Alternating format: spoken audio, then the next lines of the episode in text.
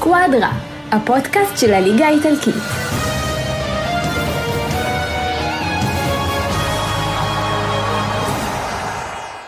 ברוכים הבאים לסקואדרה, פרק מספר 75, פרק אה, מיוחד העונה, כי לראשונה יש לנו שני נציגים בולטים שמייצגים את אה, שתי הקבוצות המילנזיות, האחד הוא כבר אה, אולפניסט קבוע אצלנו, יוסף גרבוע, שלום. שלום וברכה. אה, פעם ראשונה בזום, אם אתם ככה שומעים את הסאונד, וגם בהופעת בכורה עונה ואחרי היעדרות אה, ארוכה מאוד, אלעזר גור, יו"ר אוהדי אינטר בישראל, שלום. אהלן, מעניינים, כיף להיות פה. קודם כל, איך אתה מסכם את החוויה שלך בטורקיה? או-אה, מרגיש כמו כאילו עבר נצח. אה, התחיל עם ציפייה לקבל בראש, המשיך עם איזו אופטימיות זהירה, ואז נשבר הלב. אבל אה, כן, זה מרגיש כמו היסטוריה רחוקה עכשיו. וזה בדיוק הנקודה שלי, כי זו היסטוריה לא כל כך רחוקה. היינו שם אה, לפני קצת יותר מחודשיים, ובאמת אתה רואה את השינוי הדרמטי שיש בקבוצה. נתחיל דווקא לדבר על התוצאות של המחזור האחרון. מילאן נגד אה, רומא, אינטר פיורנטינה, נפולי לאציו, משחקים גדולים, גם יובנטוס, אומנם לא משחק גדול, אבל כן ניצחה. יוסף, נתחיל איתך. רומא, פעם ראשונה פוגשת את מילאן במשחק גדול, דיברנו על זה לפני המשחק, אבל uh, כל מי שראה את המשחק הבין שיש פערי רמות מאוד מאוד ברורים. נכון, uh, ככה נגיד uh, שרומא כאילו ממש לא הופיע למשחק uh, בכלל, כאילו פיולי נראה כאילו שיש לו עליונות uh, די גדולה על מוריניו, ראינו קבוצה שהיא הרבה יותר מאומנת, קבוצה הרבה יותר מוכנה לליגה. אה, מה שקורה ברומא זה נראה כאילו ממש נשחקנו בוגרים נגד נוער, ממש כך. ועד דקה שישים זה ככה זה נראה, עד שתומורי החליט לעשות את השטות הזאת, ואתה יודע, להחזיר אותם איכשהו למשחק, וגם אז, גם לא היו מסוכנים. רק בכניסת לוקאקו הם ממש היו, אה, אתה יודע, אפשר להגיד שהם קצת איימו עלינו, או איכשהו, אבל גם כן, הם לא היו כאלה מסוכנים. אה, נתחיל קודם כל במילאן, מילאן אה, משחקת, ממשיכה לשחק את הכדורגל הטוב שלה במערך 4-3-3, כאשר אה, קרוניץ' הוא הרג'יסטה, שהוא שחקן, גם אתה יודע, רג'יסטה יכול להיות שחקן שהוא נגיד אגרסיבי כזה, דיון כזה, מדל כזה, אבל אם אתה הולך ל... לכדורגל שפיולי מציג, זה דווקא הרג'יסטה שהוא סטייל יותר טכני, אני באישית מאוד אוהב את זה, אני גם חושב שקרוניץ' הוא שחקן מאוד משמעותי גם לקבוצה, הוא שחקן מאוד חכם. אה, בכללי הקבוצה היא, היא רצה טוב, היא עומדת טוב על המגרש, מתנהלת נכון. אה, גם אם נסתכל גם על ההיבט ההגנתי, אה, מילאן מאוד השתפרה גם בהחזקת הכדור, כאילו בהחזרת הכדור אליה, כאשר היא מאבדת כדור ישר מתנפלת, ישר רוצה את הכדור בחזרה על הרגליים שלה.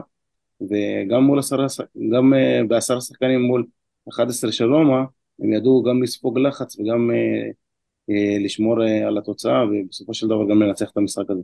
אלעזר, אני אשאל אותך, רומא הפתיע אותך בפערי איכויות האלה, או שזה מה שציפית? לא, לא הפתיע. רומא לא קבוצה טובה. אני לא, לא רוצה להוריד ממילאן ששיחקה ופתחה את העונה באופן כללי מצוין, אבל רומא קבוצה לא טובה. היא גם עונה קודמת לא הייתה קבוצה טובה. אמ, היא כאילו עשתה קולות של מתקרבת לטופ 4, אבל לא באמת.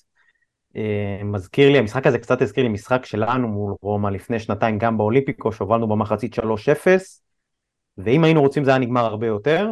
אמ, המשחק הזה אומר בעיקר רעה לגבי רומא, וכן אבל חשוב לציין שהייתה בלי אולי שלושת השחקנים הכי חשובים שלה, אה, פלגרין שנכנס מחליף, דיבלה ולוקאקו, ש...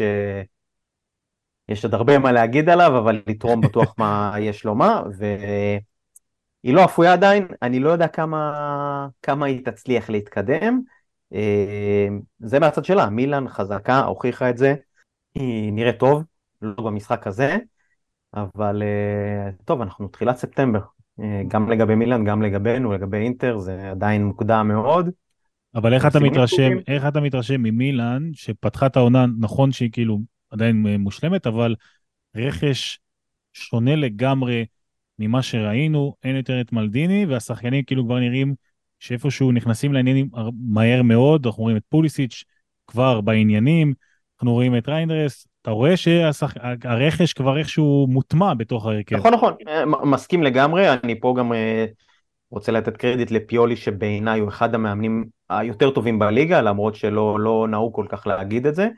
אה, אחד המאמנים הכי חדשניים בליגה, סתם דוגמה, אם מישהו ראה את המשחק, את המשחק ברומא או כל משחק, יראה כמה פעמים שני המגנים משחקים ממש באמצע אחד ליד השני. אה, כל מיני דברים שאתה רואה אולי באנגליה קצת יותר. סטייל, סטייל של פפ גורדיולה, נכון? נכון, נכון, לגמרי. אז גם בעונה שעברה היה גם תרגילים, אה, גול של קלבריה מול אטלנטה, ורואים הרבה את המגנים ממש שותפים באמצע המגרש, כמו קאנסלו באמת בזמנו אצל אה, פפ. ופיולי מאמן חדשן, אני חושב שהוא אולי לא יציב, אולי לא motivator, יש לו את החסרונות שלו, אבל הוא מאמן מאוד חדשני. וכן, הרכש, אני לא אגיד פגעו בול כי זה כזה קצת כאילו מובן מאליו כרגע, אבל עצם זה שמחברים את כולם וזה באמת נראה טוב, אה, המון קרדיט להנהלה גם, אחרי שהמכירה של טונאלי נראתה כמו איזה נקודת אה, שבר מאוד לא אופיינית לכדורגל האיטלקי, כן נראה ככה שמקסמו את זה. קצת מדרגה דווקא. כן, כן, אני אומר, זה כן נראה בדיעבד, בדיעבד. נכון, נכון, שלגמרי הפכו את זה למשהו חיובי, גם מאוד עיבו את הסגל, שזה משהו, הייתה נקודת התורפה אולי של מילאן כל השנים האחרונות. אה, אז כן, נראים טוב. טוב, בוא נדבר על עוד... אני רק אמשיך, כן, כן. שנייה אחת אני אמשיך מהנקודה של אה, אלעזר בקשר לפיולי, שהוא מאמן מודרני וכל... אה, פיולי בשנתיים שהוא, האחרונות שהוא איתנו, אנחנו גם לקחנו פעם אחת איתו אליפות, בעונה אחת אנחנו הגענו ליגת האלופות, שזאת הייתה המטרה אז, לפי הצרכים, לפי הסגל, לפי מה, ש, מה שעמד לרשותו. בעונה שהוא לקח אליפות, הוא לא, היה, הוא לא היה אמור לקחת אליפות, הוא לא היה צריך לקחת אליפות, הוא לא, לא, אף אחד לא ביקש ממנו לקחת אליפות, הוא לקח, ועם שחקנים כמו סאלמאקרס, ושחקנים כמו, אה, כאילו ממש, שחקנים שאני לא חושב שהם, יש להם, הנה עובדה, השחקנים האלה, כמו מסיאס וסאלמאקרס הם בבולוניה וגנואה, שזה רק כן, אבל אני יכול להקשות מה איכות הסגל גם כן. אני כן, יכול להקשות עליך שעדיין, אני רואה את זה לפחות בקבוצות של, של מילאן בישראל, הוא לא אהוב, לא מחזיקים ממנו איזה מאמן מהטובים בליגה, כמו שאלעזר אמר, ושלא נדבר על זה שאחד שיכול לעמוד במשימה שהדרישה שלה היא קצת יותר מלסיים בטופ 4. זאת אומרת, גם להתמודד אליפות וגם בליגת אלופות. יש, יש, יש אנשים שהם פשוט אה, לא אוהבים אותו מלכתחילה, מה אני אגיד? הם לא אוהבים אותו, מה, מה לעשות? נגיד להם, אה, לתת להם זריקה כל בוקר שאוהבו אותו? לא, אה, אי אפשר, הם לא אוהבים אותו. יש כאלה שגם אמרו, גם אם הוא הביא ליגת האלופות אני לא אוהב אותו. אז מה, כאילו עם סגל כזה גרוע שהיה לו, הוא לקח אליפות. עם, עם סגל שהוא בינוני מאוד, הגיע לחצי גמר צ'מפיונס ליג, אני לא, לא ציפיתי גם שנגיע לשם בכלל, כאילו זה, זה היה רק בונוס, ובסוף העונה שעברה הוא אמר אני רוצה שנעלה את האיכות, שנעלה את איכות הסגל, ועכשיו מעלים את איכות הסגל, ואנחנו רואים שהסגל הזה הוא רץ טוב, עם uh, רעיונות חדשניים, עם כדורגל מודרני, ואי אפשר לקחת את זה ממנו, הקרדיט היא בראש ובראשונה לא, כי הוא זה שנותן לשחקנים האלה לעמוד נכון על המגרש, הוא, ש... הוא זה שגם שאנחנו מקבלים גם לחץ גבוה בשנים האחרונות, מילן סבלה מאוד ששיחקה נגד אה, מערך של 352 שכאילו היה את שתי החלוצים האלה שהקשו על שני הבלמים לנהל את המשחק ושני המגנים כל אה, שחקן קו תפס אחד ואז אנחנו בלי פתרונות אז עכשיו השנה אה, אנחנו רואים שגם תיאו נכנס לאמצע והיה את זה הרבה גם במשחק נגד טורינו שאפילו גם יוריץ' הוא אמר זה המשחק הכי גרוע שלנו מאז שאני מאמן פה תיאגו מוטה, גם כן הרים למילן שאומר שזה רמה אחרת ממה שאנחנו מכירים. טוב חכה, יש לכם דרבי בקרוב. אה. אין בעיה, בסדר, זה, לא, אתה לא. יודע, בסופו של דבר את הדרבי אנחנו, גם אם ננצח או נפסיד, זה לא, לא, לא מה שישנה את העונה. כן, כן, נכון. זה לא מה ש... אבל בסיירת משחקים שאנחנו אמורים לקבל אותו, זה מה שיקבע. פה פיולי צריך, אה, אתה יודע, להגיב, לדעת איך הוא עושה את הרוטציה שלו. שנה שעברה לא היה לו רוטציה טובה, השנה יש לו. ונראה איך הוא משתמש בו. טוב, אנחנו עוד נדבר גם על הדרבי וגם על הכל, אבל עוד קבוצה אחת שחשבנו שהוא, שהיא לפחות לדעתי תנצח את המשחק הזה, זו הייתה נפולי נגד לאציו, והאמת, הפסד מפתיע, אלעזר, לא? אה, תראה, נפולי צריך קצת לחלק את ה... או לקבל פר... אתה יודע, לחשוב איך מסתכלים עליה, כי היא לקחה אליפות היסטורית, מרשימה, מוצדקת לחלוטין. שמרה על הסגל שלה. מה?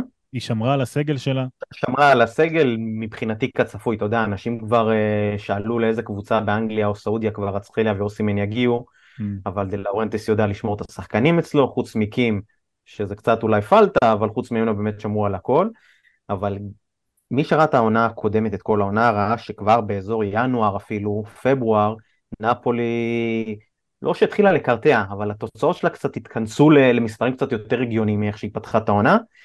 שום קבוצה לא איימה לא עליה, כי כל הצמרת הייתה חלשה, אמ, אבל היא לקחה אליפות מוצדקת, אבל היא לא, לא נראתה כמו שהיא נראתה בתחילת העונה הקודמת, והיא ממשיכה את זה. היא קבוצה טובה עם בסיס טוב, אמ, אבל היא, היא, היא כאילו גם, אתה יודע, החליפה מאמן בעצם. לאציו שכן ממשיכה עם אותו מאמן היא פשוט קבוצה מפתיעה קצת. מה, זה, זה כן היה סוג של הפתעה, אבל זה שתי קבוצות שהן לא הכי יציבות, ואני חושב שזה ילווה אותם במהלך כל העונה, בטח עם המפעלים האירופיים במקביל. יוסף? אני, אני אמשיך את הנקודה של פעם שעברה, מה שדיברנו בקשר לנפולי עם סני, על כל מה שהוא אמר, אני לא רואה את השינוי של מה שקורה עם גרסיה, וזה נראה אותו כדורגל והכל. אני חושב שכבר היה לו מבחן אחד אה, לרודי גרסיה. החילופים שלו, ואנחנו הזכרנו את זה גם פעם שעברה, שמאמין צריך לדעת להגיב שהקבוצה שלו בפיגור. כשאתה בפיגור, דקה 68, 69, דקה 70 כמו שאמרת לו פעם שעברה, צריך לדעת מה, מה, מה המאמן עושה, כאילו, ב... איך הוא מגיב למשחק, ואיך רודי גרסיה הגיב, הוא עושה את גרסליה. ואני לא חושב שמאמן צריך לעשות דבר כזה, בטח שלא את השחקן הכי טוב שלך אה, ביחד עם אוסימן. נכון, אוסימן היה לא במיטבו, כובד ניהול המשחק בכלל של נפולי גם השתנה איכשהו בכדורגל. הכדורגל של אה, רודי גרסיה הוא לא קרוב בכלל לכדורגל של, זה אותו מערך, אבל זה לא אותו דבר, כי אנחנו רואים, גם מי שראה את המשחק, בדרך כלל המספר 6, הרג'יסטה, שזה לובודקה, שהוא בדרך כלל מנהל את המשחק של, אה, של נפולי, אנחנו ראינו כל הזמן את אנגיסה יורד שם למטה נמוך, ממש נמוך, שהוא הוא, הוא אמור להיות הקשר 8, ה-50-50, שכל הזמן מצטרף, וגם הוא גם נותן תוספת אה, מאוד משמעותית לה, ביתרון המספרי בהתקפה, ואנחנו כבר לא רואים את זה. גם לקראת אה, דקה 85, משהו כזה, אנחנו רואים כאילו אנגיסה ממש זחל שם, הוא לא יכל לעלות להתקפה.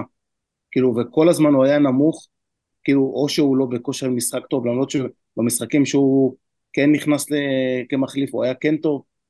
אני לא יודע מה קורה שם בדיוק, אבל הכדורגל הוא לא אותו כדורגל, וכנראה שההוראה שאנגיסה ירד קצת uh, למטה, אבל יש שחקן אחד שאני כן uh, רוצה דווקא להגיד מילה טובה עליו בנפולי, וזה רחמני. אני חושב שהוא לא... Uh, לוקח, לוקח קצת יותר אחריות, בטח שקים כבר לא לידו, הוא שחקן שהוא מרגיש שהוא צריך לקחת יותר, ואני הזכרתי את זה גם בתחילת העונה, בפודקאסט הראשון שלי, אמרתי שהוא צריך, הוא עכשיו צריך להראות, להראות בגרות, גם הוא וגם מרט, מרט אנחנו פחות רואים את זה אצלו, uh, הבעיה של לצידו משחק שחקן שהוא מאוד כבד, ואתה יודע, חוואן כן, חיסוס הוא לא, לא, לא, הוא לא בלם שאמור להיות ליד אה, רחמני. לא, אנחנו זוכרים אותו, אנחנו זוכרים אותו גם ברומא וגם באינטר, הוא לא, הוא לא בלם, אתה יודע, בקבוצות האלה. אני כן יכול להגיד לך שאולי יש איזושהי ירידת מתח בנפולי, ואז זה מרגיש שה... נקרא לזה התשוקה או השאיפה אה, קצת ירדה. אני לא אגיד שאין להם את השאיפה לזכות או להגיע, אבל גם, אמר לנו את זה סני באחד מהפרקים, שהוא לא, לא חושב שמצפה עוד פעם לאליפות שנייה ברצף, אלא טופ 4 לפחות. יכול להיות שזה משפיע דווקא במשחקים כאלה, שאנחנו יודעים שנה שעברה שהם עשו ריצה כל כך מטורפת, משחקים כאלה היו עוברים בקלות, בטח בבית. אז אני מקווה מאוד שזה לא יפגע בהם, אתה יודע, ומזל שיש עכשיו גם פגרה לטוב או לרע, אפשר, אתה יודע, לחדש כוחות, לעשות דברים, איפוס מחדש ולהיכנס לחזרה מילה קטנה על לאציו רק? מילה קטנה על לאציו? כן. רגע, רק שנייה, רוצה להוסיף על נפולי. אה, נכון מה שאמרתם, אבל כאילו שמרה על הסגל זה נכון, מצד שני באמת המעבר מקים לז'ואן ז'זוס, שבאינטר כבר שכחנו כמה לא אהבנו כשהוא קיבל דקות, נכון. והוא גם בשנים האחרונות כמעט ולא שיחק, אה, הוא לגמרי ברירת מחדל, הביאו איזה בלם מברזיל, שאני לא ראיתי אותו ולא יודע מה התוכניות לגביו, אבל בינתיים הוא לא, הוא לא משתלב. זה מהצד של ההגנה שזה פשוט הבדל תהומי. אה, זה גם מסביר אולי את הירידה קצת של הנגיזה אחורה, קצת לגבות את זה. וגם בהתקפה, פוליטנו, עוד שחקן שקצת היה נלעג באינטר, אה, פותח שם שלושה משחקים, משחק כל דקה כמעט. זה תעודת עניות לנפולי. כאילו, יש את הקלישה הזאת שהרבה יותר קשה לשמור על אליפות מאשר לקחת אליפות, אז היא, היא מאוד נכונה פה העונה, והירידה של נפולי מעבר לירידת מתח, פתאום כל הליקויים בסגל, שאולי קצת גם בחסות המונדיאל בעונה שעברה לא בלטו, מאוד מאוד בולטים העונה. כן, יוסף, אלציו, מה רצית להוסיף? אה, שאתה יודע, היא פתחה לא טוב את העונה, שני משחקים שהיא הפסידה, משחק אחד שהייתה אמורה לקחת שהיה לה ביד, וגם במשחק הזה היא פתחה לא טוב. אה, אפשר להגיד שמחצית ראשונה, של, ראשונה שלה היא ממש הייתה לא טובה, בשלושים דקות הראשונות היא ספגה המון לחץ, המון, אני חושב שקבוצה אחרת הייתה מתפרקת פה, ממש, משחק שבלחץ אטומי, ונפולי, אתה יודע, שיושבת על קבוצה, יכולה גם לאכול אותה, וזה קרה בעונה שעברה הרבה פעמים, ו... ושחקן אחד, שהוא לפי דעתי היום, הוא, הוא לוקח את המושכות שם, והוא זה שמנהל את, ה... את הקבוצה הזאת, וזה לואיס אלברטו שהוא גאון כדורגל בעיניי. אתה יודע, השער שלו הוא... רק, רק גאון כמוהו יכול, יכול לכבוש כדור כזה, ולציו, אתה יודע, היום אחרי שעזב מילינקוביץ' סאביץ' זה חלל מאוד גדול, כי היה את שניהם, זה שני קפטנים באמצע המגרש, ואתה יודע, שאחד מהם עוזב, אה, איפשהו נשאר חלל אה, די גדול שם, אני מעריך שגינדוזי יכול להיכנס לשם, שחקן שהוא מאוד תרם בכניסה שלו גם כן למשחק. אה, בסופו של דבר, אתה יודע, לאציו צריכה לקחת את עצמה בידיים ולהתברג בטופ 6, כי אם לא, ההפסדים הכלכליים של אוטיטו יצטרך למכור כבר חצי קבוצה שם. אני אגיד לך גם עוד משהו ש...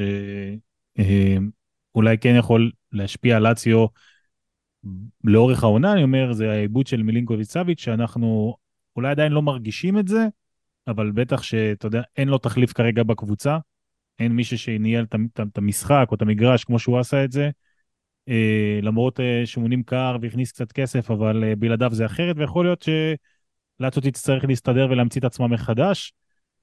וזה יהיה, יהיה מעניין בטח בקרב גם מול רומא, ששתי הקבוצות האלה בעצם איפשהו לא מספקות את הפוטנציאל הקיים בהם, בטח בגודל מועדון. אבל זה יש לנו עוד הרבה לדבר עליו, אבל אני רוצה להתקדם למשחק אולי הכי מפתיע במחזור, אני יכול להגיד את זה גם מהצד שלי, וזה אינטר פיורנטינה. אני יכול להגיד לך שלא ציפיתי בשום מצב שהתצוגה תהיה כזאת, קל וחומר, אה, אתה יודע, בתוצאה כזאת. אלעזר, אני אתחיל איתך. אתה יודע מה? לא, אני אתחיל עם יוסף. אני אשאל אותו דווקא. תן לי את התגובה שלך למשחק הזה. מפתיע, מפתיע, באמת. אתה כאילו... חשבת שמה? הייתי בטוח שתנצחו, אבל אתה יודע, כי אני כל... כמו שאתה חושב שיובל תנצח כל משחק, אני חושב שאינטר תנצח כל משחק. אותו דבר כאילו. אז אה, כן, זה, אתה יודע, אתה מסתכל על המשחק, ופער רמות גדול. זה כאילו קבוצה אחת שרצה, וקבוצה אחת שפשוט עומדת על המגרש. אינטר קבוצה מאומנת, אי אפשר לקחת את זה ממנה.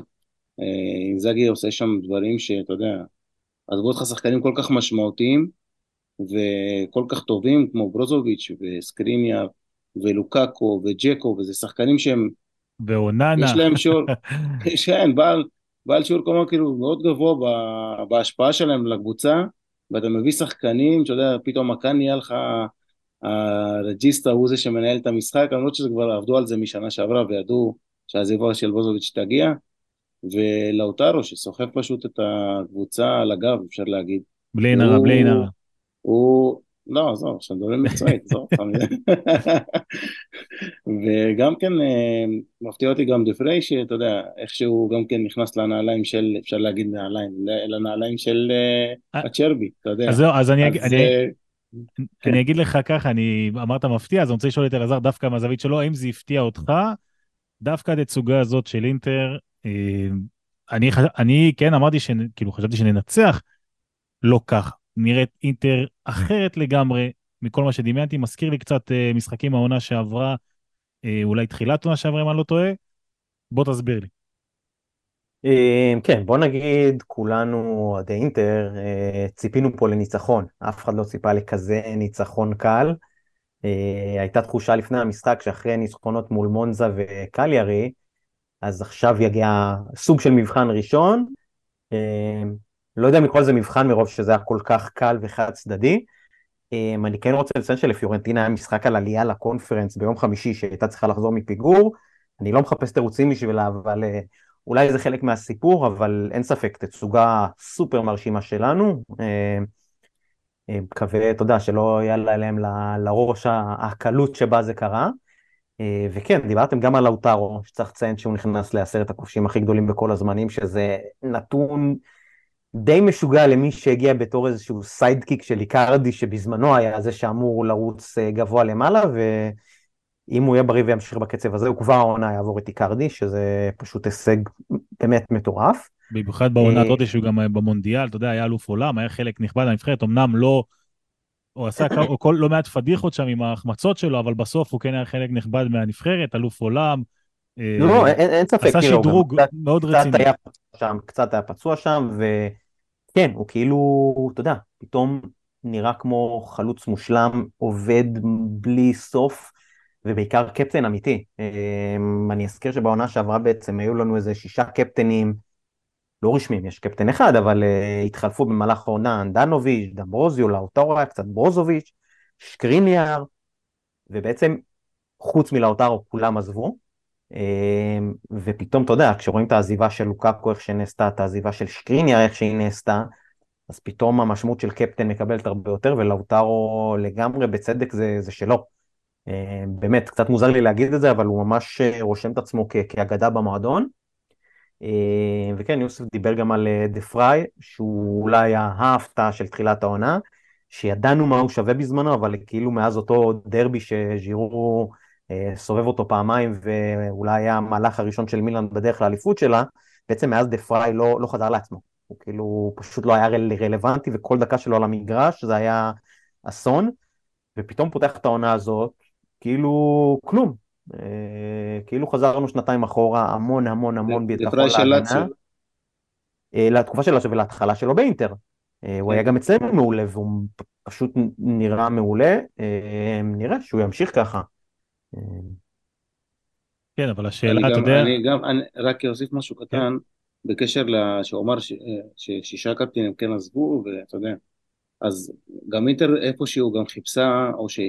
אינזאגי גם דרש או ביקש אפשר להגיד, יותר נכון, שאת השחקנים האלה שאתה יודע עם יותר ניסיון, כמו זומר, כמו פווארד, אה, שחקנים שהם יכולים גם לקחת גם הרבה יותר אחריות גם בחדר הלבשה וגם על המגרש, כאילו שזה מאוד חשוב, כי גם דיאמברוסו איפשהו, גם הוא יש לו השפעה מאוד גדולה, גם אם היא לא על המגרש, אז היא מחוץ למגרש, כמו ששחקנים כאלה שעוזבים אותך, כאילו כל המנהיגים האלה, כמו שקראת להם קפטנים, אז יש להם השפעה איפשהו, כאילו, כמו שזלטן לא שיחק בעונת האליפות הרבה, אבל הייתה לו השפעה. אז כאילו, השחקנים האלה, הם כן יכולים לתרום לך, גם מהניסיון שלהם, גם במגרש, ובעיקר מחוצה לו, כי מחוצה לו גם קורים דברים שאתה פתאום אה, יכול לאבד קבוצה שלמה אחרי שאתה גם במומנט טוב. אני אוסיף לזה נקודה. אה, השם של לוקקו מלווה אותנו, אני אישית, עוד לא, עוד לא עבר לי, כלומר, עוד לא, לא מצליח לסלוח לו, ומבחינתי עדיין יושב עליי מה שהוא עשה. אבל אם אני מזכיר אותו, אז נגיד שאחרי כל המהלך המלוכלך שלו, ואחרי שהוא עוד ניסה כן להתנצל ולהגיע, מי שבעצם מנע את ההגעה, כי ההנהלה כן רצתה להחזיר אותו ולקבל את הסוג של סליחה שלו, מי שמנע את זה זה השחקנים, שבעצם גם אותם הוא סינן בשלב כלשהו אה, לפני כן, והם עמדו אחד אה, לצד השני ואמרו להנהלה פשוט שכחו מזה, שחקן שמתנהג ככה לא יכול לחזור. אה, אז כן, מתחבר לזה שאומנם עזבו אותנו מנהיגים בקיץ, אבל יש פה קבוצה מאוד מגובשת ו... ומונהגת. אבל אני כן יכול להקשות עליך ולהגיד, שנה שעברה הייתה לנו קבוצה חזקה, ועדיין היו לנו איזה 12 או 13 הפסדים במהלך העונה, תצוגות פח, לא פחות מזה. שאלה אם עכשיו זה לא יודע מה, זה איזשהו... אה, אה, משחק מקרי שככה התפתח, דרך אגב, זה יכול להיות הרבה יותר מ-4-0, קצת יותר דיוק וגם זה 7. אה, יצאו בזול פיורנטינה פה. לגמרי, זה, זה פשוט היה, אני זוכר משחקים כאלה, אתה יודע, רק באיזה התפוצצויות כאלה מטורפות, אבל זה לא, בטח לא מה שציפיתי, וגם שיש לך כל כך הרבה שחקנים מחליפים שמגיעים אליך, אתה יודע, מהשוער, אה, מגנים, קשר, חלוצים, אף אחד לא חשב שייכנסו כל כך מהר לעניינים, שזה בדיוק אותו מקרה כמו שאמרתי על מילאן, שהרבה שחקנים מגיעים, זה כמעט כמעט הרכב חדש לגמרי על הנייר שמגיע, ואני לא יודע איך לראות את זה, כמה אינזאגי יכול להכיל את זה, בטח כשהוא אמר, אני רוצה אליפות. אה, זה נכון לגבי אינזאגי כמו שזה נכון לגבי פיולי. אה, אתה תמצא תקופות שאוהדים, הרבה אוהדים בשני המועדונים רצו שהם אה, יעופו, והם עדיין איתנו. לא רק זה, גם אינזאגי היום בעצם קיבל הארכת חוזה. אני, אני מודה שאני לא כל כך אוהב את הארכות חוזה האלה בתחילת עונה, אני לא מבין, כאילו, אז ניצח שלושה משחקים, למה עכשיו? נכון, רוצים לתת לו 2025. תנו לו בקיץ, מה? 2025.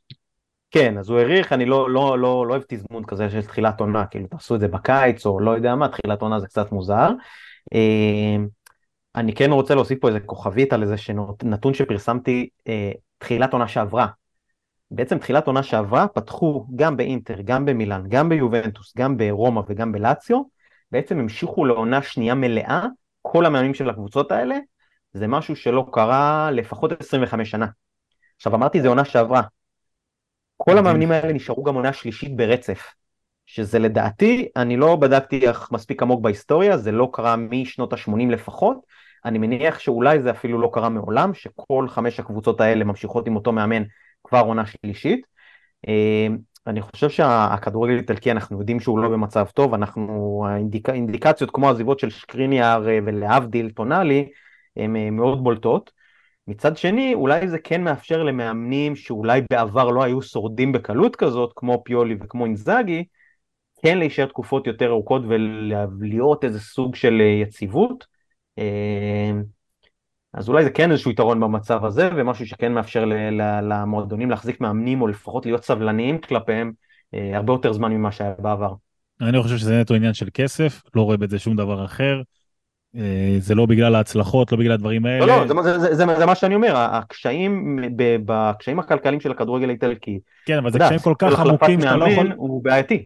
כן, אבל זה קשיים כל כך עמוקים שאתה לא יכול לפטר את אינזאגי, או לא יכול לפטר את פיולי בתצוגות כאלה ואחרות, ואפילו את אלגרי, שהוא נשאר לך במועדון כאילוץ. לא, לא, אני אומר, זה, זה, הצד, זה, זה הצד השני של המטבע.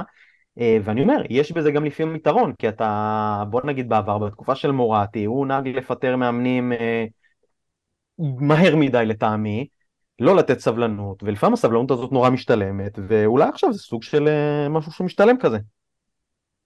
אני מקווה, אני, כן, יוסף, דעתך על העניין?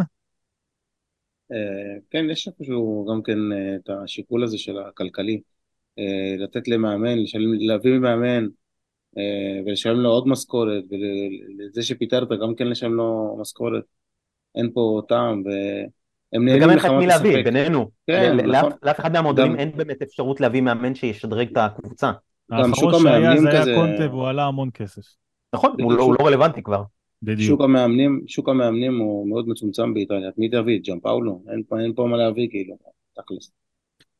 טוב, אה, בוא נדבר, עוד, בוא נדבר עכשיו על עוד אה, קבוצה שאני מודה שחשבתי שהיא עונה לא תרוץ לאליפות או דברים כאלה, אבל כשאתה רואה את השחקנים, את הצמד שחקנים שלה בכושר, אני נוטה לחשוש. אני מדבר כמובן על יובנטוס, אמנם היא לא עשתה תשע מתשע, אבל אני רואה את קייזה בכושר, ביחד עם ולחוביץ', ונדמה לי שזה מראה קצת ניצוצות מהעבר, שוואלה, יובנטוס השנה, יכול להיות שבגלל שאין להם ליגת אלופות, ואין להם את הליגה האירופית, ואין להם איזה כל, אה, אה, אה, אתה יודע, טורניר כזה או אחר, לא מונדיאל באמצע, יש מצב שהראש שלה ירוץ רק לזה, לא אלעזר. אה, בעיניי, אה, מסיבות כאלה ואחרות, היא תמיד אה, מועמדת לאליפות, לאו דווקא מקצועית. אני חושב שההסכם שלה עם וופא, שהסכם כמו של מילן שעשתה לפני כמה שנים, שהיא לא תשתתף בקונפרנס כעונש, כאילו אה, זה חתיכת boost לליגה. אה, אף מועדון מהמועדונים שדיברנו עליהם לא רוצה להשתתף בקונפרנס, זה לא פרס עבורו, ואם אתה לא זוכה... ב... זה, זה עונש, ואם אתה לא זוכה בטורניר כזה, זה, זה... בוא נגיד, גם אם אתה זוכה בו, אתה לא מרוויח הרבה, אף אחד מהמועדונים הגדולים לא רוצה לקחת בזה חלק, וכשאתה אמור לקבל עונש והעונש הוא הרחקה מהקונפרנס לעונה, זה לא עונש, זה פרס, אה, וזה boost אדיר לליגה כשכל שאר המועדונים בצמרת אה, בעצם ישחקו באירופה. אה, מקצועית, וואלה, אין לי, אין לי הרבה מה להגיד, קיאזה ובלחוביץ', בוא נגיד קיאזה באופן אישי זה אחד השחקנים שהכי אהבתי בזמנו והכי כאב לי שלא, לא רק שבא אלינו אלא הלך ליובנטוס. סימן שאלה, תראה, בשורה התחתונה מבחינת נקודות לפני ההורדה הם השיגו נקודות, כמות נקודות כמו שלנו, בגלל זה אני חושב שהם בטח בטופ פייבוריטיות, אבל נראה. טוב, נראה. בואו נדבר עכשיו על ההגרלה של ליגת אלופות, ההגרלה אולי הכי מעניינת באיטליה. מצד אחד, מילאן, לדעתי, עם בית מוות, כאילו באופן מובהק. אינטר עם בית מאוד נוח. בוא נתחיל איתך, יוסף. מילאן עולים? מאיפה מתחילים? מפריז, דורטמונד או... תסגור טיסות. לסגור טיסות. ככה, אז אה, כן, כמו שאמרת, זה בית המוות, בית מאוד קשה. שאתה יודע, לא ציפית לקבל אה, זה, אבל יכלת לקבל יותר גרוע גם.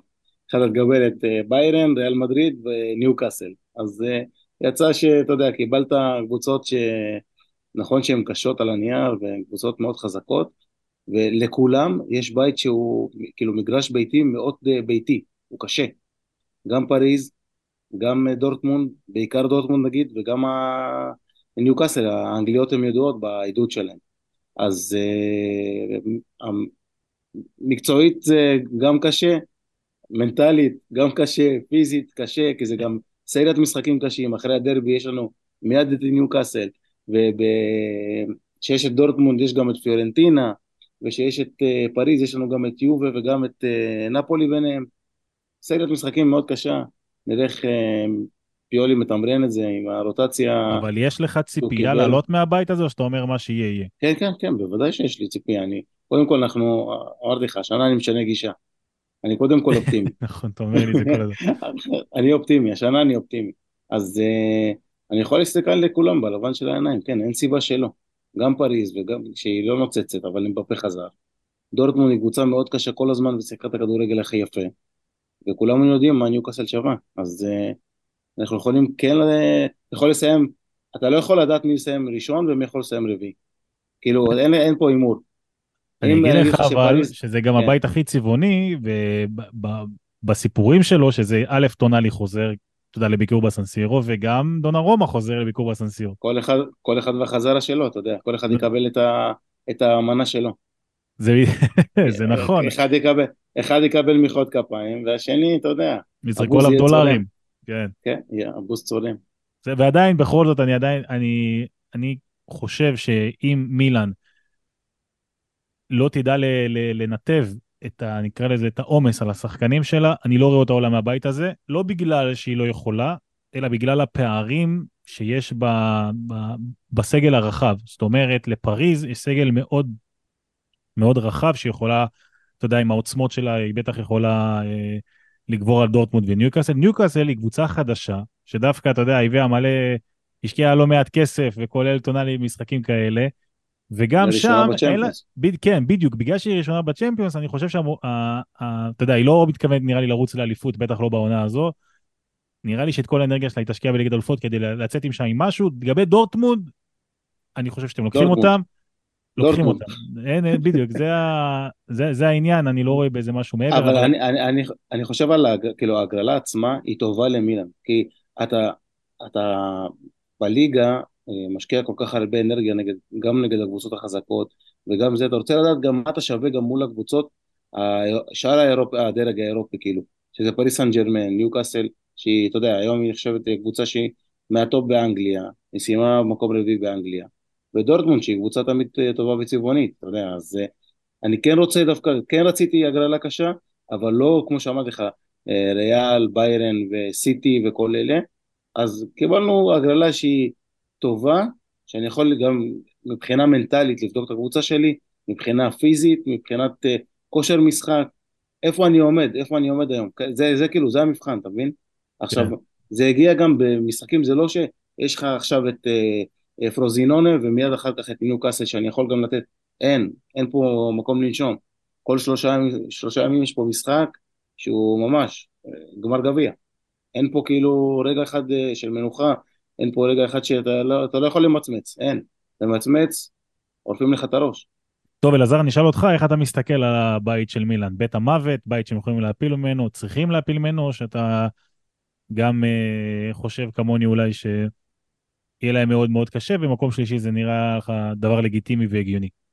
אה, בוא נגיד סוג של קצת הכל, זה גם היה התחושות שלי אחרי שיצאו הכדורים וקצת אחרי זה. אובייקטיבית זה בית המוות, אי אפשר להגיד אחרת, גם שמות גדולים וגם קבוצות שלא רחוקות כל כך אחת מהשנייה. במחשבה ראשונה היה בי די הרבה שמחה לאיד שמילאן הולכים לעוף מוקדם, זה קצת התקרר די מהר. אה, השמות טיפה טיפה פחות מאיימים אולי ממה שאפשר לחשוב. אה, אלעזר, אם נעוף מהר זה לא טוב לך. ניקח אליפות. נכון, נכון, נכון, לא, אני האידאל מבחינתי שיסיימו שלישי ותשחקו באירופית, זה האידאל. אמ, למרות שהעונה, אתה יודע מה, אה, יוסף, אולי שווה לדבר על זה, על השינוי בפורמט של ליגת אלופות בעונה הבאה. יש פה לשם שינוי קצת אינטרס משותף של האיטלקיות לצבור נקודות, אבל נדבר על זה אולי אחרי זה. אה, כן לגבי הבית, אה, בית מאוד מאוזן. אני כן חושב במבט שני שמילן עם סיכוי לא רע להפיל מאחד משני המקומות הראשונים. פריז מאוד השתנתה הקיץ, אני מניח שמבחינתה לטובה, אבל מקצועית ייקח לה זמן, ויש הרבה סימני שאלה לגביה. ניוקאסל אותו דבר, זה גם כאילו, יש את הכסף שזה הכל ונחמד, אבל זה עדיין לא שם. היא, היא קבוצה שנבנית מדהים, אני גם רואה ליגה אנגלית, וההישג שלהם לסיים בטופ 4 בעונה הקודמת הוא הישג אדיר. יש להם מאמן מצוין, אדיהו. אדיהו, לא, מאמן, מאמן אדיר, והפרויקט שם עם כל השנאה אולי לכסף מבחוץ, הוא פרויקט שעד עכשיו מאוד מאוד מאוד אה, כן איפשהו קצת רומנטי ונראה טוב. אמ, וכמובן יתרון הביתיות, אבל למילן יש פה הרבה מה לתת. אני, אני לא, אני גם יכול להגיד שבעיניי היא כרגע הקבוצה הכי טובה בבית. שוב, לא בפער, זה גם בית חוץ, זה גם אה, מתפרס על כמה חודשים, אבל אני חושב שהיא בפוזיציה טובה לעלות. פוזיציה טובה לעלות, מה, מקום ראשון אתה גם חושב? או שאתה אומר פוזיציה לעלות?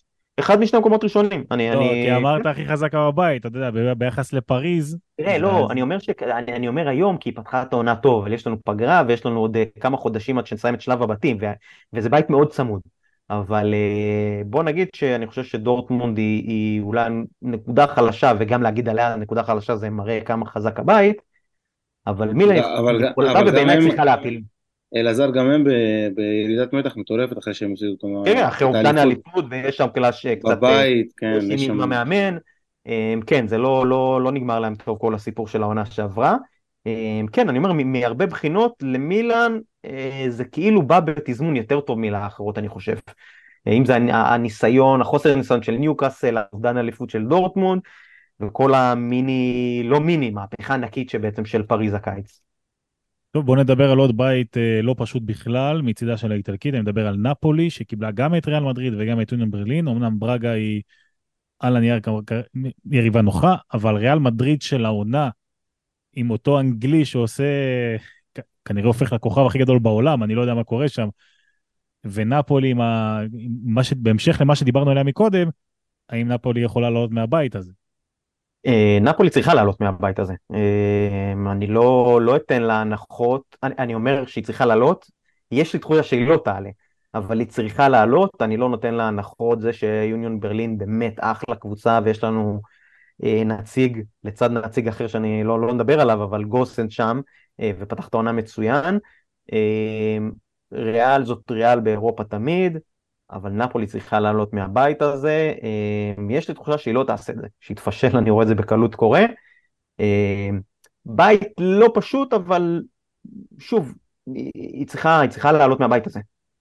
אה, כמו שהוא אמר, שהם צריכים לעלות מהבית הזה, אבל אני רואה, אני רואה אוניון ברלין שבוע שני ברציפות, הם אחלה קבוצה, ניצחו שבוע שעבר גם בעשרה שחקנים 4-1, הם קבוצה מאוד מאוד מאוד טובה. לא, הם, הם בנויים גם מעולה, הם בנו, בנו ממש מאומנת, נכון, מאומנת גם, וגוסנס נותן שם גם uh, תפוקה טובה, ה ex-interista. כן, צמד בבכורה, נכון. ואתה יודע, כמו שהוא אמר, אולי גם, אה, הם גם מסוגלים גם לעלות ממקום שלישי בבית הזה, אבל על הנייר הם אמורים לעלות. אבל קבוצות כאלה כמו לייפציג וקבוצות כמו, שהם נגיד דרג 2, לא דרג ראשון, הם תמיד אה, קבוצות שהן עושות אה, את, ה, את, ה, את המוות לקבוצות שהן אמורות כביכול על הנייר לעלות, כמו שאתם עשיתם את, הבית, את הבית מוות לברצלונה, שגרמתם ללכת הביתה בבתים. על הנייר היה אמור להיות ביירן ברצלונה, ושלחתם אותם הביתה, וגם זה, זאת הפתעה, ויכולה להיות גם פה הפתעה. כן, טוב, בואו נדבר על uh, עוד בית, והפעם זה דווקא, אני רוצה לדבר על הבית של אינטר, דווקא מהזווית שלאורך, אני חושב בארבע שנים האחרונות תמיד היה לנו בית לא פשוט בכלל, עם ברצלונה בדרך כלל וטוטנאם, ואז זה השתנה. אה, לראשונה אני חושב שיש בית נוח. קל, אני- קל, לא, קל. לא, קל. אני לא רוצה להגיד קל, אני לא רוצה להגיד קל. קל. את, תראה, אתה לא יכול לזלזל בבנפיקה, אתה לא יכול לזלזל בזלצבורג, ואתה לא יכול לזלזל בריאל סוסיידד. ריאל סוסיידד, היא לא הייתה בליגת אלופות כמה זמן, אני לא זוכר, מלא שנים. ואת בנפיקה, אז אנחנו זוכרים אותה מעונה שעברה, שיש כאלה שלא לא, לא הרימו גבה אם היא הייתה מגיעה גם לגמר, או לפחות לחצי גמר. אז תסיימו שני. נו. עלית. לא, אלעזר, אתה רוצה לעזור לי פה, או רק שאני צריך להסתובב עם שום? אה, אני לא- אני לא יכול. כאוהד אני אוהב, ל- ל- אתה יודע, עין הרע וכאלה, אבל וואי, בשורה אני מאמין התחתונה, בזה חבל על הזמן. לא, בשורה התחתונה, באמת, ההגרלה, אני לא אגיד הבית קל, אבל ההגרלה כל כך האירה לנו פנים, שאם לא נסיים מקום ראשון, זה חתיכת פשלה. מה זה אומר? אני לא יודע, בעונה שעברה סיימנו מקום שני, ואיכשהו הכוכבים הסתדרו ויצא לנו הגרלה מעולה. אבל אה, מקצועית, אה, קבוצות נחמדות, הכל טוב ויפה. הנה, אנחנו חייבים לסיים מקום ראשון. כמה, אין- אין- כמה אין- פעמים אתה מכיר את אינזאגי בקריירה שלו מגיע כפייבוריט ולא כאנדרדוג? תמיד היינו מגיעים כאנדרדוג. אה, תמיד הגענו, אבל זה לא היה קשור אליו, הגענו כאנדרדוג, כי הדירוג שלנו היה גרוע, ולשם שינוי סוף סוף הוא טוב. לא, אבל גם אם. אתה, גם כשאתה מתמודד בבית אה, בליגת אלופות בשנים האחרונות, אמרת טוב, נסיים מקום שני, גם כשהיית בבתים עם אה, טוטנאם, שאתה יודע, טוטנאם בחוק קבוצה אנגלית טיפוסית, אבל לא עכשיו איזה אימפריית על, ועדיין היינו מגיעים נגדם בקטע של אנחנו צריכים לעבור אותם, לא, בק... לא אנחנו פייבוריטים או אבל פערים עדיין, כאלה גדולים. יוסף, תמיד אינזאגי היה מאמן גביע טוב, מאמן צ'מפיונס טוב, כמו שהיה שנה שעברה. הוא מאמן של נוקאוט מצוין. אני חושב שאתם, גם אם תעלו ממקום שני, הוא יכול להתקדם הלאה. זה לא, זה לא סוף העולם לסיים גם שני, אחרי בנפיקה. בנפיקה שהיא, לסיים- ה- ה- ה- בנפיקה אמור שקבוצה לסיים ראשון. היא המאיימת בבית, אה, הדחנו אותה די בקלות שהייתה בשיא שלה ונחשבה לאחת הקבוצות הכי חזקות באירופה העונה שעברה. הכוכב הכי גדול שלה עזב הקיץ לפריז. אפשר לחפש איפה אינטר יכולה ליפול, ואינטר יכולה ליפול, זה כדורגל ואנחנו מכירים מה זה כדורגל ומה זה אינטר, אבל אה, זה לא אמור לקרות. זה, זה, בוא נגיד, אינזאגי חתם, חתם היום על חוזה חדש, אם הוא יעשה פה פדיחה, אה, הוא, הוא, הוא יפוטר, אני, אני לא רואה סרט אחר. באמת הבית, הגרלה, הגרלה טובה, טובה באופן קיצוני הייתה לנו הפעם. טוב, אה, איטלקית אחרונה שאולי תייצג את הליגה האיטלקית בצורה כזאת, אה, בצורה חיובית. לאציו פיינורד, אתלטיקו מדריד, סלטיק. אני רואה את לאציו גם אמורה להפיל מהבית הזה, כי בטח אתלטיקו מדריד אולי תעלה מהמקום הראשון, אבל פיינורד וסלטיקס, אמורה להפיל והיא קיבלה בהגרלה, הגרלה לא פחות טובה מאיתנו. הדרג השני בדרך כלל הוא הדרג הבעייתי. שתי קבוצות אה, נחותות ממנה, לפחות על הנייר. לחלוטין, לחלוטין לאציו, בוא נגיד שללאציו יש יותר סיכוי מנפולי להפיל. אה, אני חושב ש... אני רוצה להגיד תעפיל, אבל היא צריכה להפיל. אה, באמת זו הזדמנות אדירה לחשוב על לאציו בשמיעי גמר ליגת האלופות, זה זה טירוף. אני רואה את אה, אתה יודע, אבל לופס אלעזר, הם. הם, הם חופשי יכולים גם, אתה יודע, לפשל. איפשהו. לגמרי, לגמרי, ש- נכון, נכון. כמו ששנה שעברה הם הלכו לאלקמר עם עשרה שחקנים. אתה יודע, אתה נכון? נכון. זה, זה לא- כאילו, המסורת לא, לא קיימת שם, כמו שאפשר הם- להגיד. מסכים, ב- מסכים לגמרי. אבל, אבל כמו במקרה באמת שלנו, הם קיבלו הגרלה מאוד מאוד טובה, כאילו, עם כל הכבוד גם לפיינור וגם לסלטיק. אה, יהיה קשה, זה לא פשוט, זה לא טריוויאלי, אבל אה, מקווה בשבילם שיעשו את זה. טוב, אני לא, לא סתם אנחנו מדברים פה על האיטלקיות אה, ברמה של ליגה איטלקית, אתה רוצה להסביר לנו בעצם מה השוני שיש בליגת אלופות שיכול לעזור לליגה מבחינת הניקוד או מבחינת מה תעשה לי סדר. אה, אוקיי, אז בגדול, מי שלא יודע, העונה הבאה בעצם פורמט ליגת האלופות משתנה, אולי את השינוי הכי דרמטי שלו מאז שהוא הוקם המפעל, הרי הוא כל זמן התרחב, אבל שמר על מבנה של אה, בתים של ארבע קבוצות, אה, ואיזושהי, אתה יודע, נוקאוט. בוא נגיד שמספר המשתתפות זה חזקה של שתיים, אז זה מאוד נוח, כי כל שלב נחתכות הקבוצות בחצי, וזה מה שהיה בפורמט הנוכחי כבר 20 ומשהו שנה. מעונה הבאה בעצם מוסיפים עוד ארבע קבוצות, יהיו 36 קבוצות במפעל, שבעצם ישחקו בליגה אחת. אה, וכל קבוצה על בסיס הגרלה בעצם יחולק לארבעה דרגים כמו עכשיו, שבכל דרג יהיו תשע קבוצות, וכל קבוצה תשחק שמונה משחקים מול שמונה יריבות שונות. לא, זה. שיעור במתמטיקה. אמ, זה הרבה פרטים, אבל זה, זה, זה לא כזה מסובך, קוראים לזה השיטה השוויצרית, זה מעולם השחמט, ובעצם כל קבוצה תשחק שמונה משחקים, ארבע בבית וארבע בחוץ, אמ, כל צמד משחקים כזה, מול שתי יריבות שונות מכל דרג. זה אומר שלצורך העניין, אם אינטר העונה הייתה דרג שני, זה לא משנה כל כך, הייתה משחקת לצורך העניין משחק אחד בבית מול סיטי ומשחק חוץ מול ביירן, ואז עוד משחק בית וחוץ מול דרג ב', והלאה והלאה, בעצם ככה שמונה משחקים, שזה כבר מוסיף לכל משתתפת שני משחקים ועוד הרבה משחקים למפעל, שזה מה שהם רוצים הכסף הגדול. ואז בסוף הליגה הזאת, שמונה הקבוצות הראשונות מעפילות לרבע גמר, וה-16 הקבוצות, לשמינית גמר, סליחה, וה-16 הקבוצות אחרי זה משחקות נוקאוט כדי להשלים את תמונת השמינית הגמר, ובעצם מפה והלאה, אה, כרגיל שמינית גמר, אז מעבר לכמות המשחקים זה גם בעצם יפרוס את, אה, אנחנו רגילים עכשיו שיש בעצם את שלב הבתים עד דצמבר ואז פגרה עד אה, פברואר-מרץ, זה בעצם יפרוס את ליגת האלופות לאורך כל השנה, כלומר שלב הבתים מסתיים בסוף ינואר אה, ותהיה רציפות. גם נראה כאילו יותר יריבות. כאילו יותר יריבות, יותר, כן. כן מעניין, אני חושב שהשינוי כן. הזה יש לו חסרונות אבל הוא כן יוסיף הרבה עניין. ובהקשר שלנו פודקאסט איטלקי, בעצם זה אומר ששתי קבוצות עם הדירוג הכי גבוה העונה, אה, מהבדיקה האחרונה שעשיתי, כי כבר שינו גם את הפורמט הזה, בעצם יקבלו עוד מקום נוסף. זאת אומרת שיש סבירות אה, לא נמוכה, שהקבוצה שתסיים חמישית באיטליה, תעפיל גם היא לליגת האלופות. אה, צריך לראות רק בסוף העונה, זה, זה יאללה, עוד לא סופי כמובן, אבל יש אפשרות לזה. שאלה אם הכסף הגדול באמת ייכנס ויכול להחזיר קצת, אה, לא יודע מה, אה, עטרה ליושנה בליגה האיטלקית, או שעדיין... לא, זה לא מה שיציל את הכדורגל האיטלקי, שהבעיות שלו הרבה יותר עמוקות. אני אגיד לך מהצד השני, קבוצה שלא מעפילה ליגת אלופות זה מכה פיננסית אדירה. אה, אז כן. אלעזר, אני הזכרתי פה את אטלנטה, הבאתי אותה כדוגמה לפני שבוע, ואמרתי שאטלנטה, שאם היא לא... מעפילה למפעל אירופי, היא מצטרכת, כאילו היא חייבת, כי זה מועדון שהוא עם אה, קהל אוהדים מאוד קטן, מעיר שהיא עיר שנחשבת שעיר של פועלים, שאנשים לא יכולים להרשות לעצמם לקנות מנוי, אז uh, אתה יודע, איפה שיהיו הם צריכים למכור שחקן ב-40 מיליון כדי להמשיך... כן, זה, זה, זה המודל הכלכלי שלהם לגמרי. זה, זה, זה מה שקורה פה. נכון, לגמרי, כן, זה המודל שלהם, וכשהם לא מעפילים ליגת אלופות, אה, לכל מפעל כן, אירופי, זה לא משנה. בוא נגיד ככה, בשבילם כשהם הפילו זה היה בוסט כלכלי שאפשר להם קצת יותר לגדול, אבל המודל הכלכלי שלהם זה מכירות, אה, וכן, בטח בעונות שהם לא מעפילים, אז אה, אנחנו רואים את זה. צריכים למכור. אני, לפי מה שאתה אומר, כל, כל הטופ 6-7 חייבות להפיל לאיזשהו מקום, אחרת הקריסה הכלכלית, כמו שאתה אומר, תהיה דרמטית.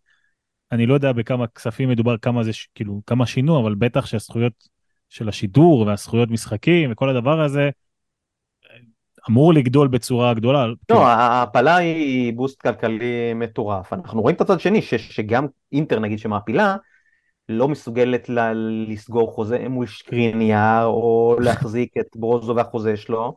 אה, ומנקה חוזים. ליגה כזאת ענייה, זה מטורף. אפשר, אפשר לעשות פוסט, פודקאסט שלם רק על אה, מה שקורה. זה עונה, עונה שלמה. כן, בדיוק, לגמרי כך. מה שקורה כאילו בכדורגל האיטלקי, עם כל האקדמיות שצריך לשפר, את כל המגרשים שצריך, עם כל הבירוקרטיה של בניית מגרשים וכל מה שקורה, והנה אנחנו רואים את שתי המלנזיות, הם לא מצליחים לבנות מגרש. זה כל כך קשה, מילאן רכשה 90% מהקרקע ועדיין לא נותנים להם לבנות. וזה קשה, לא, מאוד. הזכויות שידור, אה, הכל זה, זה בעיות כאילו מכל כיוון שהוא. ובאופן כללי המוצר שנקרא כדורגל איטלקי הוא מוצר מאוד מאוד מאוד לא טוב שמנוהל בצורה זוועתית. לגמרי עסקנים. טוב, עם הבאסה הזאת. אה, נצטרך להתקדם, נדבר, אה, עכשיו יש פגרה אה, קצרה ככה שאפשר יהיה לאחד קורות, איך שאמר לי יוסף לפני שהקלטנו, אמר איזה מזל שיש פגרה, כי במחזור הבא יש דרבי, ולא רק דרבי, יש לא מעט משחקים גדולים, רגע נגיד אותם, יובנטוס לאציו נתעסק בזה תכף, נפולי יוצאת למשחק בגנואה, פיורנטינה אטלנטה גם משחק גדול, אה, ובעצם המשחק המרכזי זה אינטר מילאן. יוסף, ממה אתה חושש? אתם קבוצה מושלמת. ממש, ממש ככה. ממה אני חושש? שיש דרבי, לא משנה, זה דרבי. לא משנה מה קורה, איפה אנחנו נמצאים, איפה אתם נמצאים. ויש, אתה הזכרת את המילה בייס פעם שעברה. אני אגיד, כאילו, אנחנו נכשלים, אתם נכשלים אחרינו. אנחנו הולכים לחצי גמר ליגת האלופות, אתם באים אחרינו. אנחנו מביאים שחקן הודי, אתם מביאים שחקן הודי. אנחנו מחתימים שחקן יפני, אתם הולכים... אין, יש פה משהו שהתאומות האלה הן הולכות ביחד. אנחנו פותחים טוב את העונה, אתם פותחים אחרינו. אנחנו נותנים רביעייה, אתם נותנים רביעייה. זה פשוט לא, לא יאומן. אז אה, מה אני אגיד לך, אין לי תחושות אף פעם לגבי דרבי, אני כל הזמן, אה, זה המפ- המשחק הכי חשוב לי בעונה. אתה אה, טס יודע, דרך אגב? אתה טס? לא, אתם מארחים. אני- נכון, אבל אתה יודע, ראש השנה. כן, זה... לא, לא, לא נוסע. אתה כאילו לא לא טס למשחקי חוץ? לא. חוץ, הבנתי. אה, שנה שעברה הייתי, יצא לי להיות ב- בלונדון, נגד טוטנאם. אה, אבל אה, באיטליה אני לא נוסע למשחקי חוץ. בסדר, יש לך מקום בדרבי ארבע, ככה זה שאתה מנוי, אתה יודע. כן, כן. ואתה יודע, אי אפשר, אי אפשר להגיד ש... לצפות פה למשהו, מה יקרה בדרבי הבא. לא יודע, כבר. ארבע דרבים לא ניצחנו, ואתה יודע, זה כל הזמן מבאס אותי כל פעם מחדש שאני מפסיד דרבי. פעם הייתי אומר את זה שלא היה אכפת לי, הייתי אומר, תן לי להפסיד, לרדת ליגה, העיקר אה, לקחת את הדרבי. אתה יודע, מתוך קלישאה כזאת, שכאילו, אתה יודע, שכאילו, מרוב שקשה לך שאתה מפסיד דרבי, אבל אה, אתה יודע, מתקדמים הלאה, כמו שאומרים. אפשר גם להפסיד אה, דרבי, ובסופו העונה לנצח את הקטנות ולקחת את האליפות בסיומה. בוא נראה. אתה- אבל. אתה אופטימי למשחק הזה? אני תמיד אופטימי, אני אומר לך כבר מתחילת העונה, אני השנה אופטימי. מה יהיה, אני לא יודע. אני אם הייתי אומר לקרוא. לך שחקן לא אחד יודע. שאתה חייב שהוא ישחק במשחק הזה, וואו. מייק מיניאן, ברור. האמת שהוא שוער פסיכי, שוער פסיכי. זה, לא, זה... מנהיג, אמיתי, אין פה... אני עד היום. אגיד תודה לזה ששמתם את טאטה רושנו בגמר גביע. ב- בסעודיה. כן, בארצות 3-0, הברית. איזה שוער זה, תאמין לי. במכבי חיפה לא הייתי לוקח אותו. ו- וגם תומורי לא משחק, שזה גם כן טוב. אה, לא יודע כמה אוקיי. החיסרון שלו לעומת... מי אמור להחליף אותו? כלולו? החיסרון, כללו. חיסרון כן. עצום. זהו, אז הוא חיסרון, זה, אתה יודע. אה, אלעזר, איך אתה מסתכל על הדרבי? חושש או יותר רגוע? אמ, תמיד יש חששות, אבל אה, צריך קצת לדבר אולי על, ה, על התקופת דרבים הזאת, שהיא לדעתי אולי מהקיצוניות בהיסטוריה, כמה שאנחנו הרבה יותר טובים בדרבי. אני מסתכל אפילו חמש שנים אחורה. חמש שנים אחורה היו 16 דרבים, מילאן ניצחה שלושה מהם, שניים היו בתיקו, ואנחנו ניצחנו 11. חצי גמר ליגת האלופות, גביע איטליה, סופרקאפ, בליגה זה כמעט לא משנה מה היה. היינו הרבה יותר טובים, אני חושב שהרבה אוהדי מילאן הסכימו שגם בעונת האליפות של מילאן היינו הרבה יותר טובים. אמ, השאלה אם עכשיו זה נקודת המפנה, אני לא יודע, שתי באמת שתי הקבוצות נראות טוב, אני חושב שזה כן קרב שהוא הוא, אה, שוויוני יחסית. אמ, לא רואה יתרון בזה שאנחנו כאילו מאחים, זה הקהל והכל, אבל אה, אופטימי, אבל אה, מילאן קבוצה טובה, אני חושב גם באמת שקצת לא רגילים אולי לשחק מול כל השחקנים החדשים, היה אולי משהו קצת נוח אפילו בקבוצה הקודמת. אה, אני זוכר את הדיבורים על הלאו שהיה פצוע בחצי גמר הראשון, אז אמרו הנה הוא חוזר. אבל הנה הוא חוזר, אני ראיתי יותר מעשרה משחקים של לאו מולנו שהוא נוטרל לחלוטין. עכשיו הוא שחקן ענק, כן, אני לא מפחית ממנו, אבל הוא חזר ומילן לא באמת דגדגה אותנו בגומלין של החצי גמר. אבל אה, עונה חדשה, אה, מחזור רביעי שמצד אחד זה לא נודע, מצד שני לא משנה מה תהיה התוצאה, עוד ליגה ארוכה לפנינו. אה, לנצח אחד כמובן. שאתה... אבל אני חושב שלא יהיה משחק שמרני. להבדיל מהמשחקים, נגיד, בחצי גמר. אני, יכול, אני או- חושב באמת, כי, לא- כי באמת שתי הקבוצות שונות, גם בסגנון וגם מבחינת אה, הרכב השחקנים. אם אינזאגי פשוט יבוא ויחכה, יהיה לנו מאוד קשה. אלעזר, שחקן. אחד, אלעזר, שחקן אחד שאתה לא יכול לוותר עליו בדרבי הזה באינטר. לאוטרו. לאוטרו, אין לי, מה, כאילו... פעם, קיבל- אם אני מכיר אותך קצת, היית אומר ברוזוביץ', ברוזוביץ', סתם, נכון, בשנים קודמות. נכון, נכון, אתה צודק לגמרי. אז אה, אני, אני, אנשים אולי לא, מי שלא רואה את אינטר מספיק אולי לא מבין, אתה יודע, יש גם אוהדי אינטר שיחלקו עליי, אבל ברוזוביץ' היה ביפר השחקן הכי חשוב שלנו, אה, הכדורגל של אינטר שיחקה, הוא היה בצלמו. היו מאמנים, היה גם קונטה שבהתחלה לקח לו זמן, אבל... אה, הוא- הרג'יסטה הכי טוב אחרי פירלו, שהיה הוא לא, דעתי. לא, אינטר היא, בצלמו לחלוטין לטוב ולרע, בדרך כלל זה היה לטוב, כי בעיניי הוא שחקן top top top top top, כואב הלב שגם הוא הלך לסעודיה לגמור שם את הקריירה. אמ, אני גם חושב שממש לא צריכים לשחרר אותו ולתת לאקן את התפקיד, למרות שהוא מפתיע לטובה וגם מפתיע העונה שעברה. אבל זה פשוט level אחר, ברוזוביץ' הוא באמת top של ה top כ regista, וצדקת, אם יש שחקן שחסר לי, תמיד יהיה חסר לי זה הוא, אבל אם מסתכל על ההרכב הנוכחי, אה, תודות גם ללוקאקו, ששוב השם שלו עולה, אה, זה לאוטרו, גם המנהיגות, גם הדחיפה, אז אתה יודע, הריצה שלו 90 דקות זה פשוט להשתחוות. אז אני אחזור קצת אחורה בפודקאסט, ואני אשאל אותך, בהקשר הזה, שאתה אמרת אחרי שברוזוביץ' עוזב, יוסף תצטרך רגע לסלוח לי על ההתעקשות פה, שחקנים שהגיעו והרכש שהגיע, אין אף אחד, אתה יודע, מהקשרים שהגיעו, והגיעו לא מעט קשרים, שאתה רואה אותו יכול להיכנס לנעליים האלה, או למקום הזה, או לפוטנציאל הזה, או לא יודע איך לקרוא לזה אפילו.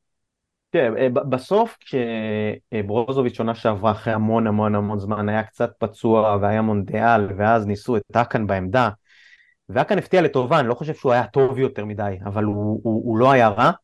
Um, אני חושב ששם התחילה ליפול ההחלטה להשתחרר מהחוזה הגדול של ברוזוביץ', ששוב, בעיניי זה טעות אדירה, אבל uh, זה התפקיד של אקן כרגע, אין מחליף. כאילו על הנייר הבא בתור זה אסלני לשחק שם, ברור שאין לאינזאגי אמון בו, גם לא אמור להיות, הוא צעיר שאמור, אתה יודע, להיות רוטציה, גיבוי פה ושם, אבל uh, האקן הוא רג'יסטה לגמרי, אולי בגלל שאנחנו פה עם מועד מילאן שווה גם להרחיב גם על זה, אבל זה, זה עלה כאן. אם מדבר קצת על הקיץ... אני לא שומע את השם הזה, אני לא שומע אותו פשוט. כן, אני לא שומע אותו, אני מכיר אצלכם שאתם אוהבים לקרוא לו השווארמה הטורקית וזה, היה תקופה שהוא טיפה השמין, ועצלן וזה, אה, אני שם שנייה את הרגשות שלכם בצד, זה כי על גבול הבלתי נתפס כמה שינוי השחקן הזה באופי שלו עשה אצלנו, הוא, היום קשר אחורי לכל דבר, על גבול הגרזן, צריך לראות את הגליץ' שלו, את הריצה שלו. נטו מאמן, אלעזר, זה נטו עבודה של מאמן, זו קבוצה מאומנת פשוט. אה, אני אומר את זה לזכות אינזאגי, אבל גם לזכות האקד. תשמע, לקחת שחקן שהוא היה מספר 10 בזמנו, קלאסי, ופשוט לעשות לו הסבה כל כך אחורה, להרחיק אותו מהשאר. התכונה הכי גדולה שלו הייתה תמיד בעיטות מרחוק, הוא כמעט ולא בועט, זה כבר לא רלוונטי למשחק שלו, הוא פשוט מנהל את המשחק מאחורה, והמון המון המון עבודה שחורה הגנתית. אה, שחקן אחר לחלוטין. אמ, אם נדבר טיפה על הקיץ, אמ, אני חושב שרוב אוהדי אינטר מאוד אה, בסערת רגשות איך שהקיץ הזה התגלגל לו. זה התחיל ב, ב, די בקטסטרופה, כלומר, מהשחרור של ברוזוביץ' שנמכר בסכום של אה, פיצוחים ביחס ליכולות שלו וביחס לכסף הסעודי, המשיך עם הפארסה של אוננה שהיה ברור שהם מנסים למכור אותו כדי לעשות כסף וכיוונו לטרובין של אה, גם הפארסת השוערים של אוננה ואז הכסף לא הגיע אז טרובין וכדי לממן את לוקאקו. כן ופארסה וכאילו בנו איזשהו מגדל קלפים בדיעבד די הזוי שהתמוטט לחלוטין. שוב אני קצת באופן אישי מדבר אבל הבגידה של לוקאקו באמת בלתי נסלחת והנהלה לא עושה, לא מוכנה להחתים את לוקקה כי הוא דיבר עם יובנטוס, אבל 24 שעות אחרי זה מחתימה את גואדרדו, שאולי השחקן הכי שנוא על ידי, אוהדי אינטר. אני לא סובל אותו. לא עכשיו אני מוסיף לכל זה, כן, אני מוסיף לכל זה גם את העזיבה של שריניאר, שאומנם הייתה חתומה עוד לפני זה, אבל בסוף הוא עזב גם הקיץ. אמ, אז זה התחיל קטסטרופה, גם בתחושות, גם מקצועית בעזיבות, אמ, אבל כן צריך לתת פה קרדיט למרוטה שעשה קצת קסמים כהרגלו, וכן הצליח למזער נזקים. גולת הכותרת אולי היא קצת אה, מצחיקה, אבל זה המכירה של אה, קוריאה, שזה כאילו כמעט בלתי נתפס שהצלחנו למכור אותו תחת חוזה, לא למכור בעצם, להשאיל עם התחייבות למרסיי, אמ, אבל הביאו רכש טוב, כלומר אה, הייתה פארסה של גם החלוצים, אבל אני חושב שכן בטח טורם שמפתיע אותי לטובה נראה טוב, אני חושב שרנאוטוביץ' למרות דיברו המחיר והגיל, אני חושב שמקצועית יש לו מה לתת, הוא היה טוב מאוד בבולוניה. ובקישור, אם אני חוזרים לקישור, אה, אז רכש מאוד מגוון, חלקו עם סימני שאלה כמו קלאסן בעיקר, אבל אה, ההבאה של פרטזי היא, היא חתיכת מהלך, כלומר כל הקבוצות הגדולות רצו אותו, והוא אצלנו ויש לו מה לתת, וייקח זמן אבל הוא ייכנס. אמ, קלאסן אני לא יודע כמה משקל סגולי יהיה לו, אבל זה בעיקר עבירה מעניינת מקצועית, כי זה סוג שחקן שאולי מאז ההולנדי סניידר אה, שהיה אצלנו אז, לא היה לנו מספר 10 כזה, מעניין איך הוא ייכנס ומתי. אה, ובסוף זה האחרון, האחרון, בדיוק, ואת זה דווקא אני רוצה לשאול את יוסף, איך אתה מסתכל על ההגעה של פבר? וואו, זה מפתיע, ממש. באמת, אה, שחקן שהוא, קודם כל הוא אחראי, אני גם הזכרתי אותו מקודם, שחקן מאוד אחראי. שהשחקנים האלה, הוא, זומר וכאלה, זה שחקנים שהם מביאים בסופו של דבר את הגרוש ללירה. שחקנים שמביאים אליפות. הוא יודע מתי ליפול, הוא יודע מתי כן לאבד זמן, מתי לרוץ קדימה, מתי... זה שחקנים עם המון ניסיון, המון ניסיון. וגם לאורך עונה, אה, להתמודד כן, עם הפסדים או עם לוז. בדיוק, וגם, ואמרתי גם, שזה שחקנים שאתה מביא אותם, אתה מביא גם קפטן. זה לא רק שחקן שהוא על המגרש, הוא גם שחקן בחדר ההלבשה, הם יודעים איך להתנהל. הם, הם עבדו עם, אה, במועדון גדול, הם יודעים איך זה אמור להיות. אני חושב שגם בקשר לסגל, ואני הזכרתי זה גם לפני כן, הסגל לא כזה השתדרג, אבל עוד פעם, אם אתה אומר שמרוטה הוא בונה קבוצות, אז הוא בונה קבוצות ממש להווה, לא לעתיד, ואני חושב שכל הקרדיט היא נטו אינזאגי, שום דבר אחר לא, בעיניי. אוקיי, יהיה מעניין. בוא נדבר על עוד משחק גדול שיש, יובנטוס לאציו. אה, אלעזר, מבחן גדול ליובנטוס בעצם לדעת אם היא מתכוונת לרוץ כל הדרך, או שנראה את היכולת שלה מתמודדת ולדעת אם זה top 4 או פחות. אה, אני חושב שבאופן כללי, בגלל שהצמרת האיטלקית היא קבוצות לא רחוקות באיכות אחת מהשנייה כל כך, כלומר אין איזה שתי, שתי קבוצות שהן חזקות משמעותית, והצמרת אולי בהיבט היסטורי יחסית חלשה, אין שום דבר דרמטי, כלומר אה, איבוד נקודות עכשיו לא מעיד על כלום וגם מרחק מהצמרת, אני חושב שיהיו עוד הרבה איבודי נקודות, לא תהיה פה אליפות של 85 אה, פלוס אני מאמין, זה בעיקר אולי, אתה יודע, הצהרת כוונות כאילו יותר על הנייר ואולי לפתוח איזה מומנטום, אבל שום דבר לא, לא מכריע גורלות. כן באמת הקטע הזה של ליגת האלופות הוא מאוד מאוד דרמטי, כי מעבר למשחקים שציינת, גם הדרבי, גם יובנטוס נגד לאציו, בעצם מתחיל הרצף המשוגע, אולי אפשר להגיד שבעצם מתחילה העונה, שמה שעכשיו זה הסוג של חימום, ואחרי פגרת הנבחרות המאוסה של ספטמבר, מתחיל הטירוף של שני משחקים בשבוע, כולל ליגת האלופות, ששם אה, צריך לתמרן בצורה הרבה יותר חכמה, בטח מי שמשחק באירופה.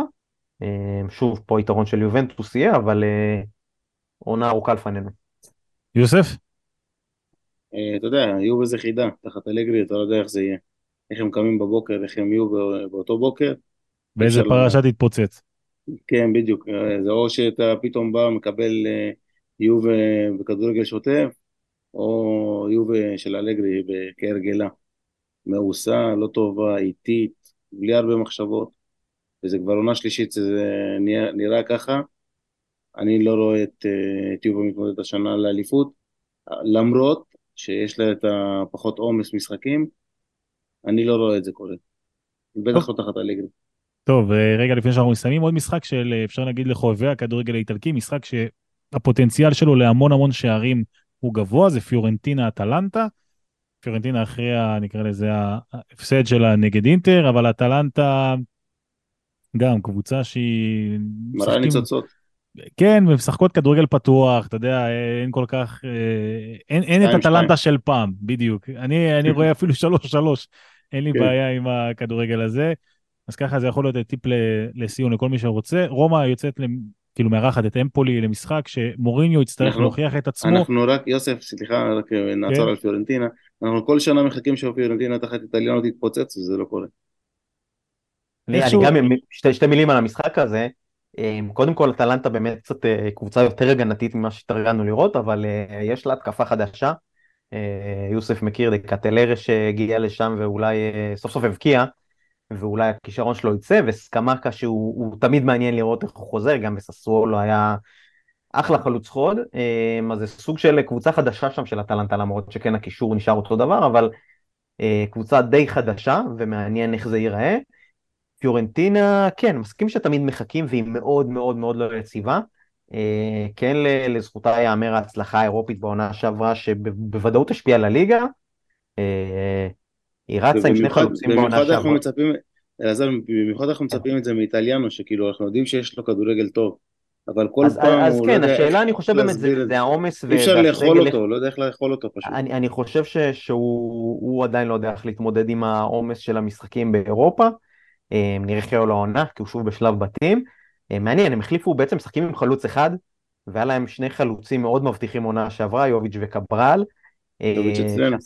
שעשה הרבה רוטציות, גם פיונטק היה בשלב כלשהו ועשה הרבה רוטציות, אני חושב שבגלל הרוטציות זה לא כל כך עבד, שניהם הלכו, והגיעו אנזולה מספצה שהוא אחלה חלוץ ובלטרן מריבר, אה, ששניהם אמורים להיות שוב ברוטציה, אז מעניין אם העונה זה יעבוד לו, זה מרגיש לי קצת סוג של הימור כזה, בוא נזרוק שחקנים טובים לה, להתקפה וזה יעבוד, אבל אה, כן, זה אתגר מבחינתו, אולי הקפיצת מדרגה שלו להתמודד עם אה, מפעל שני. אותם, עזב אותם שחקן שהוא מאוד חשוב, שזה סופיאן אמרבת, שהוא, אתה יודע, המנוע נכון. שלהם. עזב לא אותם בזמן. לא יודע, איך? הוא עזב אותם בזמן, רגע לפני המשחק נגדנו. לא יודע, לא יודע איך, איך אף אחת מהאיטלקיות לא לקחה אותו, באמת. אז, אז הגיע ארתור שאנחנו מכירים שיש שם פוטנציאל, והגיע מקסים לופס שהוא אחלה רג'יסטה מססוולו, אבל מבחינת איטליאנו זה באמת יהיה אולי סוג של uh, מבחן uh, נוסף, איך הוא מתמודד עם שני מפעלים במקביל ושומר על קבוצה שהיא קצת יותר יציבה. טוב, אה, עוד משחק שהוא מעניין, אבל דווקא בזווית אחרת. רומא תארח את אמפולי, התחלתי לדבר על זה מקודם. מה שהכי מעניין אותי במשחק הזה, זה מה יהיה עם חבר שלך אלעזר לוקאקו, ביחד עם דיבלה ומוריניו. כי שלושתה, לפחות לוק, לוקאקו עם הביקורת שלו על כל מה שהוא עשה, ועם המעבר הדי ביזארי הזה לרומא, ומוריניו שכבר מקבל ביקורות שאולי הוא גמר את הסוס. אני באופן אישי חושב שמוריניו גמר את הסוס כבר לפני כמה שנים. זה לא אומר שאין לו מה לתת. אה, ראינו כן הצלחה יחסית ברומא בעונה שעברה.